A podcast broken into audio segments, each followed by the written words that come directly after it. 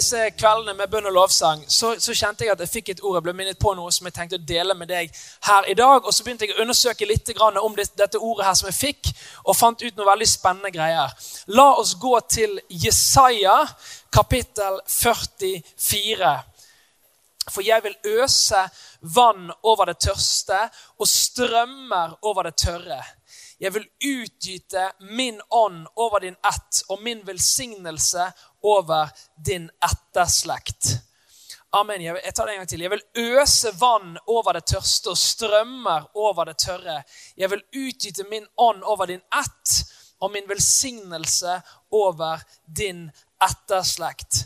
Dette her er jo et fantastisk herlig ord eh, der det står om at eh, både tørre steder og folk som tørster, som hungrer etter et møte med den levende Gud.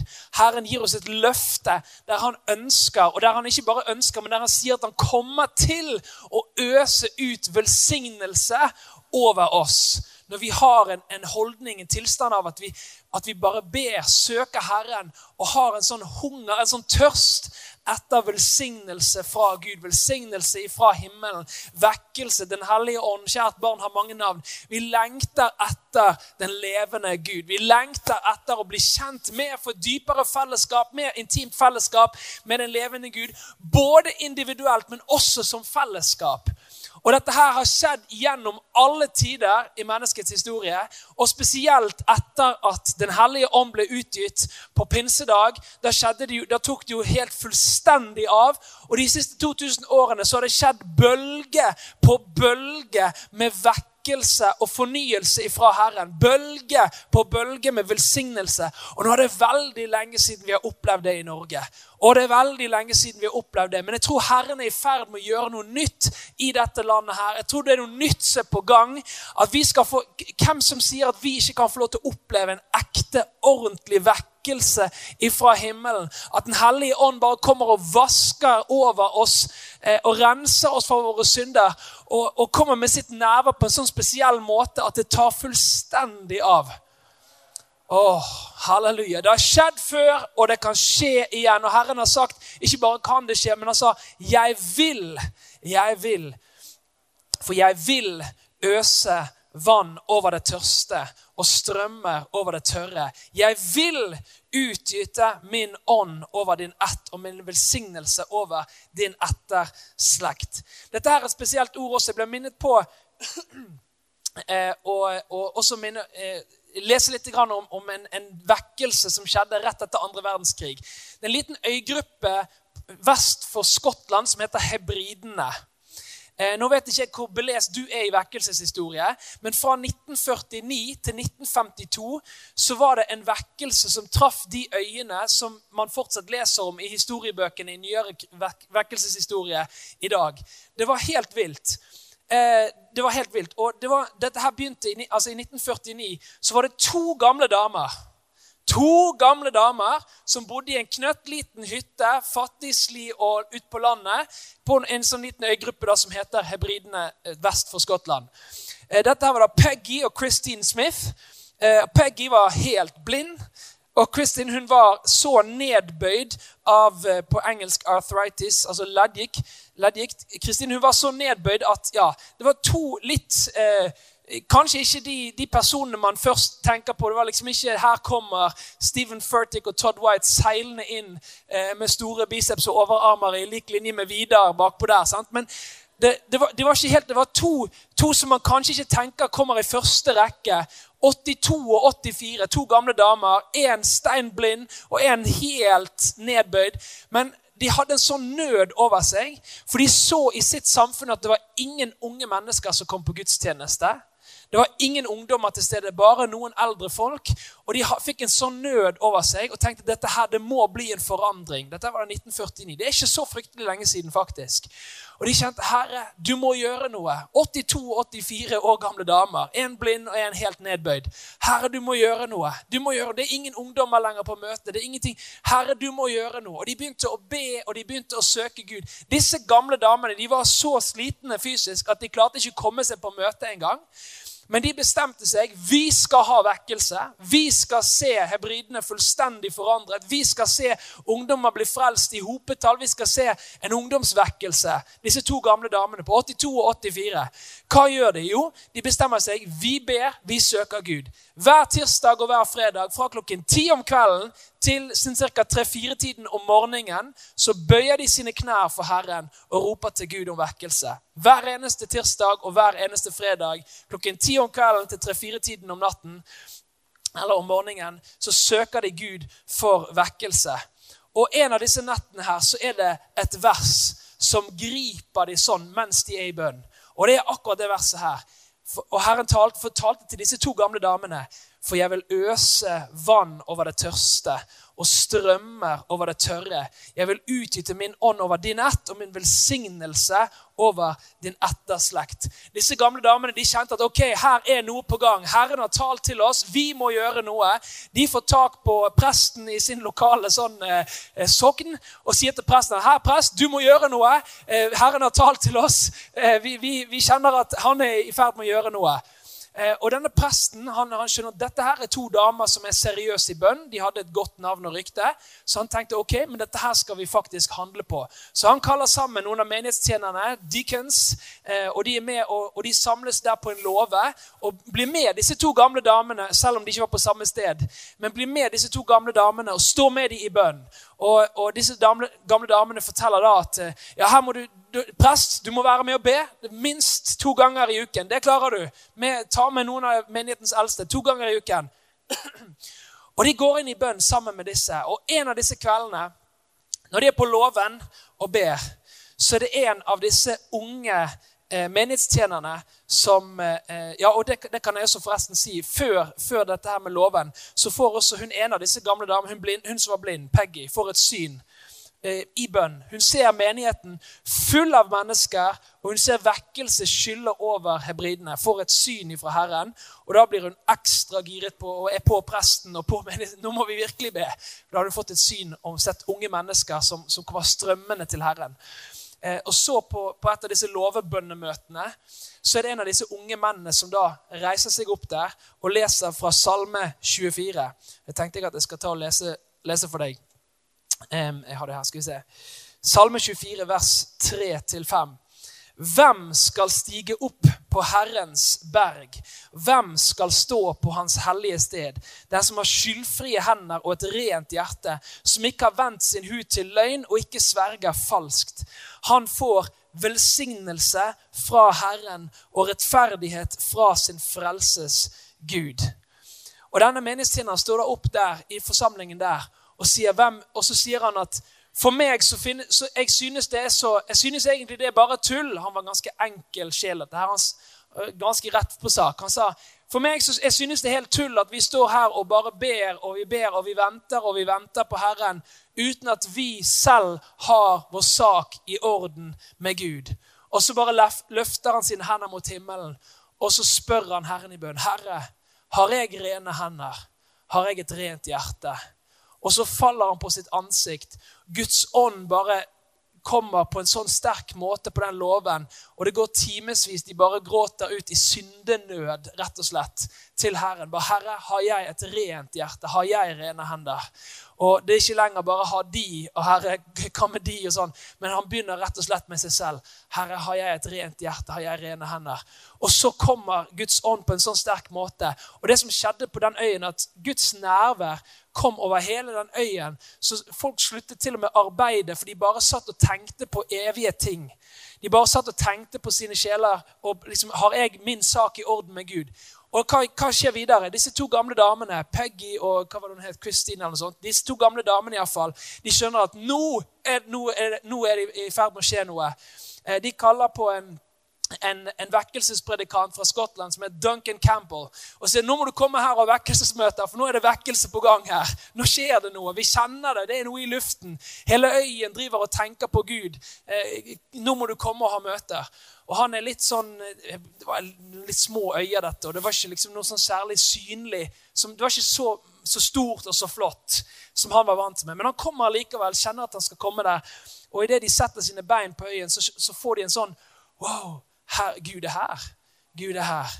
Og De har første møte, og det er smekkfullt i, i kirken der etter at disse gamle damene har nødd han til du må, du må til den kirken der. Og De har første møte. Det er 300 som fyller kirken. Og han, han er sliten og hadde ikke spist. og Han har første vekkelsesmøte. og Idet han er ferdig og dørene går opp, så står det 600 mennesker utenfor kirken. Og og de, de, bare skjønner at her er det noe som har skjedd. Og av de så er det da 100 ungdommer som nettopp har vært på et sånt festlokale. Eh, ja, og de, de, musikken har stoppet, og alle bare kjenner at vi har ikke vår sak i orden med Gud. Vi må finne en kirke, vi må finne en menighet. De kommer til kirken, og plutselig er det stedet fullstendig overfylt med mennesker. Senere samme natt så kommer de til politistasjonen i bygden. Der er det 400 mennesker som har strømmet til politistasjonen og kjenner at vi må bli, få vår sak i orden med Gud. Hva gjør vi? Og så går dette videre og videre. og eh, De har flere møter, og det går rykter om at det er store menneskemengder som samler seg ute på et jorde, for de har ikke fått plass inne i kirken. Han går dit, og de preker, og folk roper ut til Gud i, i sin nød for sitt liv, for sin synd. Og dette fortsetter og det fortsetter. Og, eh, og Duncan han forteller med egne ord om at på et av disse møtene så, så alle som var der, de bare kaster sine hoder bakover og hendene i været. Og de står sånn i to timer. Og Hvis du hadde sett det utenifra, så hadde du kanskje trodd at folk hadde mistet forstanden. Men han sa men Guds ånd bare beveget seg på en sånn måte at, eh, at folk var bare helt caught up in God. Det var bare Herren som gjaldt. Dette her skjedde på Hebridene, og hele øyen ble jo berørt av dette. her. Men dette her har ikke bare skjedd der. Dette her har skjedd gang på gang på gang på gang gjennom historien. I, på, i ulike, eh, i ulike, på ulike steder til ulike tider. Argentina det er jo noe som spesielt Stefan og Anne kjenner veldig godt til. De har jo vært der også og fått høre meg nå fra Freitsson-familien hva som skjedde der. Samme greiene. De har bedt og de har søkt Gud i lange tider, og de kjenner at vi må ha en berøring av den levende Gud. Vi må ha vekkelse. Vi, vi, vi, vi vil ikke gå for noe annet. Vi må ha gjennombrudd. Og de får det så det suser etter. Samme greien der. En enorm åndsutgytelse en veld, i hele området. Man kjenner bare at en, en må komme på møte. Jeg må få min sak i orden med Gud. Store menneskemengder som samler seg utenfor lokalene. For de, bare, de må bare få høre evangeliet. Samme skjer igjen eh, samme skjer igjen mange, mange andre steder også. Det er mange vekkelser for så vidt som kan spores til den Argentina-vekkelsen. Eh, og, og, det samme skjer eksempel, hvis det er noen som har hørt om Marie Monsen. En, hun var fra Bergen. Hei. Eh, Marie Monsen, Kina-misjonær, drar til Kina. Eh, og dette her var jo ca. 100 år siden. Litt over 100 år siden. Hun drar til Kina. Den gangen var det jo en enorm vekkelse i hele Korea. Eh, og Korea, Den gangen så var jo det også Nord-Korea. Pyongyang, som er hovedstaden i Nord-Korea, var den gang senteret for vekkelse. Dette er bare 100 år siden, folkens. Dette er bare 100 år siden. Det ble kalt Østens Jerusalem pga. det voldsomme greiene som Gud gjorde der. Marie Monsen hører rykter om dette og ønsker å komme seg dit. Og hun, hun forteller at, at uh, i, i, sin bok det, Han heter vel 'Great Awakening' eller sånt. Um, hun, hun, forteller i alle fall om at, om at jeg hadde sånn ønske om å få oppleve den ilden, den brannen, den vekkelsen. Så jeg ba Herre, send meg til Korea, sånn at jeg kan ta den ilden der med meg tilbake igjen til Kina. For det var ingenting som skjedde i Kina på den tiden. Det var noen tusen kristne, så vidt de visste om. Uh, og, og Herren svarer henne nei. Men det som du hører om i Korea, jeg kan gjøre det samme i Kina som et svar på dine bønner. Og da bestemmer hun seg. Ok, da skal jeg be til jeg får. Jeg skal ikke gi meg, jeg skal be til jeg får. Og i 20 år så ber Marie Monsen for vekkelse i Kina. Hun ber, hun søker Herren, hun gir seg ikke. Dette brer seg som en bønnevekkelse først. Og hva skjer? Den hellige ånd kommer treffer misjonsbase på misjonsbase utover. Det var mange misjonsbaser og misjonsstasjoner der på den tiden. Den hellige ånd kommer. Og så kommer menneskemengdene.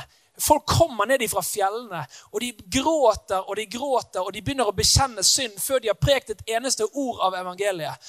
De begynner å bekjenne om hvordan de har drept sine barn. For den gangen hadde man ikke noe som het abort. Så de ventet til de hadde født barnet, og så tok de livet av det. Eh, og De kommer og bekjenner sine synder, og så forteller de om Jesus, og så får de ta imot Jesus. Det er en sånn enorm vekkelse som, som, som, kom, som kom, løs der eh, for ca. 100 år siden. Og I dag regner man med over 100 millioner troende i Kina. Det er en enorm vekkelse som har skjedd der. Eh, og jeg tenkte, og jeg tenkte litt, litt, over disse tingene her. Um, og så tenkte jeg også at uh, i det vi står i her da, Det er fort gjort at man leser vekkelseshistorie og tenker wow, fantastisk, og man ser det skjer alle andre steder. Og så er det kanskje noe som blir litt sånn vekket til live i ens eget hjerte. Wow, hva om du kan gjøre det samme her, Herre? Hva om du kan gjøre det samme her? Og Jeg synes det er så spesielt å stå i en sammenheng der eh, Stefan og Anne de har i, hatt, bært dette her over seg i alle år. Det første som de fikk når de startet ut med Jesus Revolution, de så en visjon av unge mennesker. De så en visjon av unge mennesker, mengder av unge mennesker. Og ungdommer som, sto, som stilte seg opp på gater og torg, og som begynte med lovprisning, lovsang, og så kom Guds ånd så sterkt, og så begynner en å forkynne evangeliet. Så kommer det frelse, mirakler, helbredelse, tegn og under overalt. Og Vi fikk et ord også til Jesus Revolution. Stefan og Anne har båret dette i alle år. Dette arbeidet skal være bygget på bønn. Du ser det er noe Gud gjør når det gjelder vekkelse. Også de, Stefan Anne har jo delt mange ganger også disse ordene her med at med, Spesielt på led kom det et veldig sterkt ord om at du skal få se det i din tid. Amen. Og det er en sånn oppmuntring til oss eh, at vi må fortsette å be, fortsette å søke Herren. At vi skal få se et skikkelig gjennombrudd, en ordentlig vekkelse.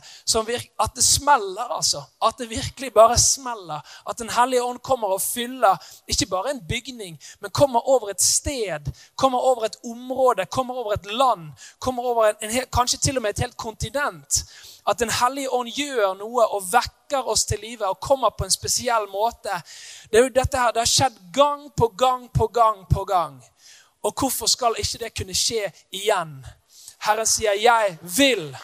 Jeg vil øse vann over det tørste og strømme over det tørre. Jeg vil utgyte min ånd over din ett og min velsignelse over din etterslekt. Amen. Eh, og så tenkte jeg jeg skulle lese et vers til til dere, og, og det er fra Josva. Josva kapittel 3. Ja, først så kommer det noen greier. Vi skal ha avstand mellom dere og arken omkring 2000 alen. Dere må ikke komme nær den. Og dette her vet vi var jo den gangen Guds herlighet var over, over Guds ark. sånn at hvis de kom nær i det hele tatt og bare rørte ved den, så døde de. De omkom. For Guds hellighet det er noe så spesielt med Guds hellighet, hans nærvær. Og jeg må jo bare si det før jeg, før jeg tar videre her. da.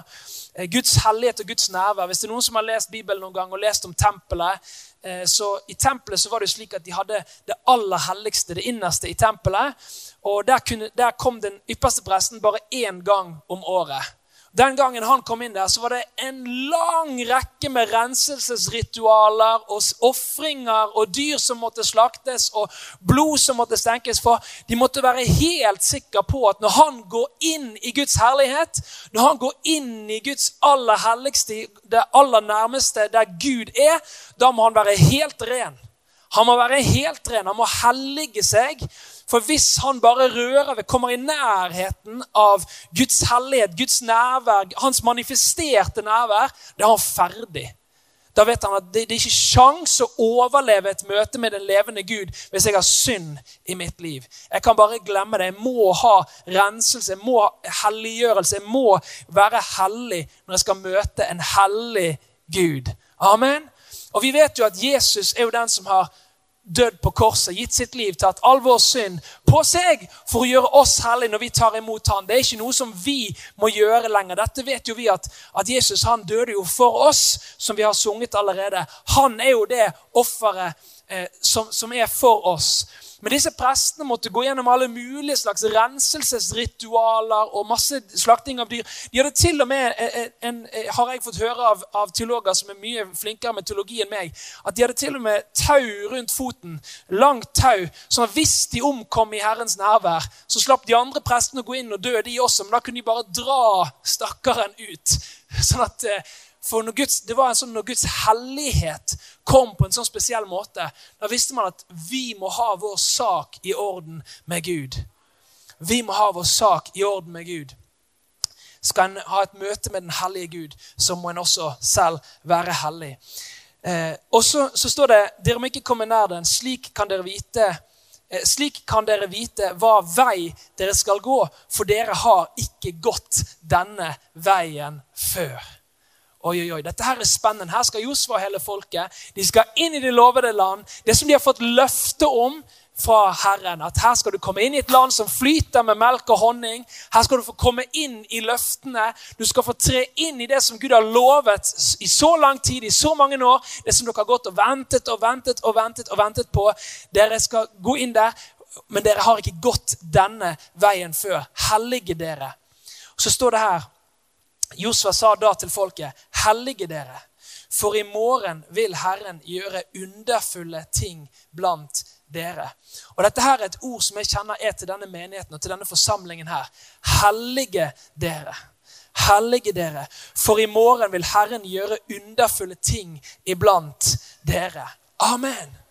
Amen. Vi er i ferd med å tre inn i noe. Vi, sett, vi ser konturene av det, vi ser det bobler. Det er liksom noe i luften. Vi er i ferd med å tre inn i noe. Og derfor sier På samme måte som Josfa sa til hele folket, hellige dere. Hellige dere. For vi har ikke gått denne veien her før. Men nå er vi i ferd med å tre inn i de løftene som det har vært lovet fra så lang tid. Hellige dere, gjør dere, rens deres hjerter.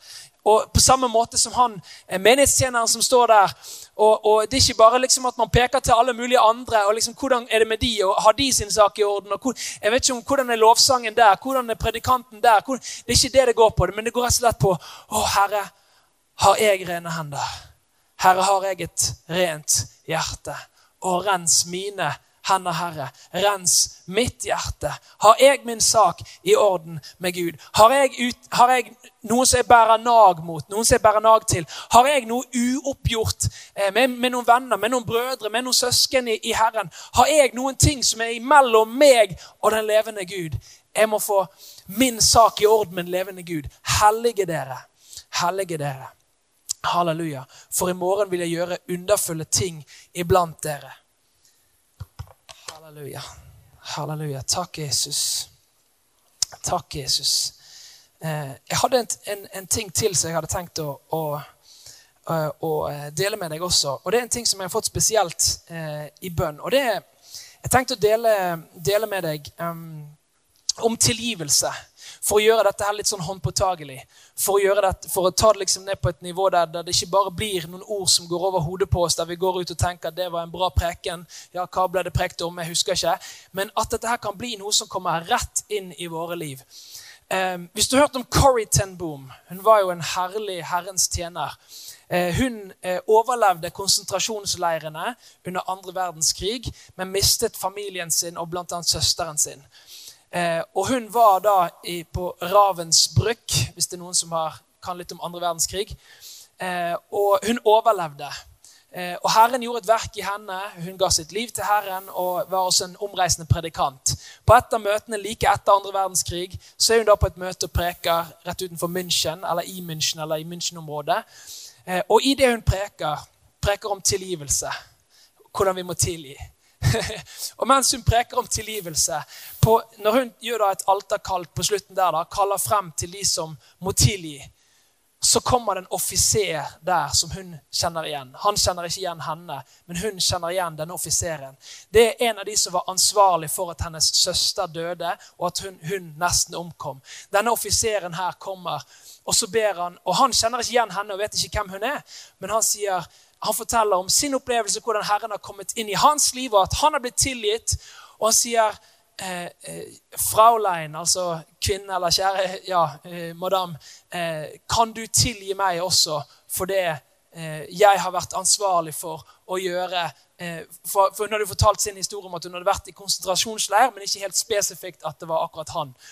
Og Hun fikk et kjempedilemma der og da hun, bare, hun, hun, forteller, Corrie ten Boom forteller det var ingenting i meg som ville tilgi den mannen der. Søsteren din har dødd. Du bare kjenner alt i deg. Bare skriker etter at øh, du har lyst til å ta hevn. ikke sant? Du har lyst til å ja, gjøre et eller annet, gjøre opp for all den smerten, alt det som du har opplevd. Så hun bare ber en enkel bønn. 'Jesus, hjelp meg. Dette klarer jeg ikke.' Dette klarer jeg ikke sjøl, men jeg er villig. Så hun rekker ut sin hånd, og idet hun tar han i hånden, så, kjenner, så, forteller hun om at Guds kjærlighet og nærvær bare fyller henne fullstendig. Og all den bitterheten som hun bar på, kanskje selv uten å være klar over det, bare forsvinner som dugg for solen. Hun forteller hvordan Herren renser henne på innsiden idet hun var i stand til å tilgi. Amen. Tilgivelse er en sånn forløsning. Og i det vi snakker om at vi må hellige oss gjør oss klar for at Herren kan møte oss på en spesiell måte, så jeg tror det er så viktig spesielt det at vi er i stand til også å tilgi folk som vi, noe imot, som vi har noe imot. Eller også kanskje det er noen som har gjort, gjort noe mot oss, og, og, kanskje ikke den engang du tenker at dette her er ikke meg til å tilgi, men, men allikevel at du tar initiativ på det. Jeg husker, for å være litt personlig også eh, Jeg hadde en onkel, en, jeg hadde en onkel som, som eh, eh, var både misjonær, predikant, og samtidig levde et dobbelt liv så det suser etter, eh, uten at jeg skal gå i detaljer på det. Eh, han endte med å, og Det var en eh, skikkelig horribel skilsmisse. Eh, og han endte faktisk sitt liv på en helt forferdelig måte. Han ble faktisk til og med drept. Det var en drapssak. Og, og, det var en av leietakerne i huset der. Det var en helt forferdelig historie som, som, ja, som endte veldig dårlig. Eh, og for meg personlig Jeg hadde, jeg hadde jo eh, noen minner fra min barndom. Jeg mistet jo min mor når jeg var veldig liten. Jeg var bare åtte år gammel når min mor døde. Et av mine få minner fra min mor det var liksom at, at det var en krangel der min onkel var til stede. Eh, og og jeg husker bare at det var noe som jeg bar med meg. Et av de dyrebare minnene jeg hadde av min mor, når jeg var liten, var liksom at min onkel var der, og det var en krangel. Og så, og så hadde det gått noen år, så hadde jeg begynt å gå litt med Herren. Og så kjente jeg at nei, vet du hva, jeg må faktisk tilgi. For Den hellige ånd kommer, og så setter han fingeren på et eller annet. Og alt i meg bare skriker ja, men dette her er jo ikke min feil. Det er jo han som har gjort noe. Og hvorfor skal jeg? Og hvorfor skal jeg liksom Men så kjente Den hellige ånds gode, kjærlige berøring bare. Oddleiv, du må tilgi. Og jeg bare kjente nei, det har jeg ikke lyst til. Også, men, men her er OK. OK, jeg skal ta så jeg, Det eh, var før han, før han da eh, Det var mens han ennå levde. Jeg husker jeg måtte ta denne tunge telefonen, og for han så hadde jo bare glemt hele akkurat den lille tingen der. Det var en liten ting. Knøtt liten ting. Han hadde glemt alt. Det var jo ikke noe viktig eller noe stort. eller noe sånt. Men jeg fikk bare, bare sagt at du, i alle disse årene så har jeg båret dette her imot deg. Jeg vil bare du skal vite at jeg tilgir deg. Og Jeg vet ikke om, dette her, om du engang husker situasjonen, eller hva det var, men dette her kom opp nå i det siste. Jeg bare kjenner at jeg må bare ta dette her opp og bare si du tilgi meg. Jeg har ikke lyst til å bære ting imot deg. Sånn kan vi ikke ha det. Så tilgi meg. Han bare ja, selvfølgelig tilgir deg. Og, ja, ja, selvfølgelig. Eh, og, og, og, det var jo eh, ikke så veldig kort tid etter, da, så, nei, ikke så veldig lang tid, mener jeg, etter så skjedde jo sånn, den forferdelige situasjonen der han faktisk omkom. Eh, men for meg så var det så utrolig viktig. Wow, Tenk om jeg ikke hadde tatt den telefonsamtalen. Wow, Tenk om at jeg hadde gått resten av livet og måtte båret på dette her. Hva om jeg hadde fått gjort opp, da? hva om jeg hadde fått gjort opp? Men heldigvis så var det mot at, at jeg var jo ikke noe helt på noen måte. Jeg var jo sånn, jeg har jo ikke lyst til å tilgi. Jeg kan jo ikke gjøre dette her. Men likevel så kommer Den hellige ånd av og til sånn. Du, vet du hva? Du må faktisk også tilgi. Eh, og vi leser jo, Jesus forteller jo også om at hvis ikke dere kan tilgi, så kan heller ikke deres himmelske far tilgi dere. Wow! Bibelen noen ganger så er det nesten sånn at du lurer på du, Mener du det der, Jesus? Er du helt sikker på at du mener det du sier der? Vil du, mener du virkelig Jesus å si det at hvis ikke jeg klarer å tilgi noen, så vil det si at du ikke kan tilgi meg, at det går på min frelse? Hohoi. Hohoi. Wow, da skjønner vi hvor viktig det er å tilgi. Skjønner vi hvor viktig det er å tilgi.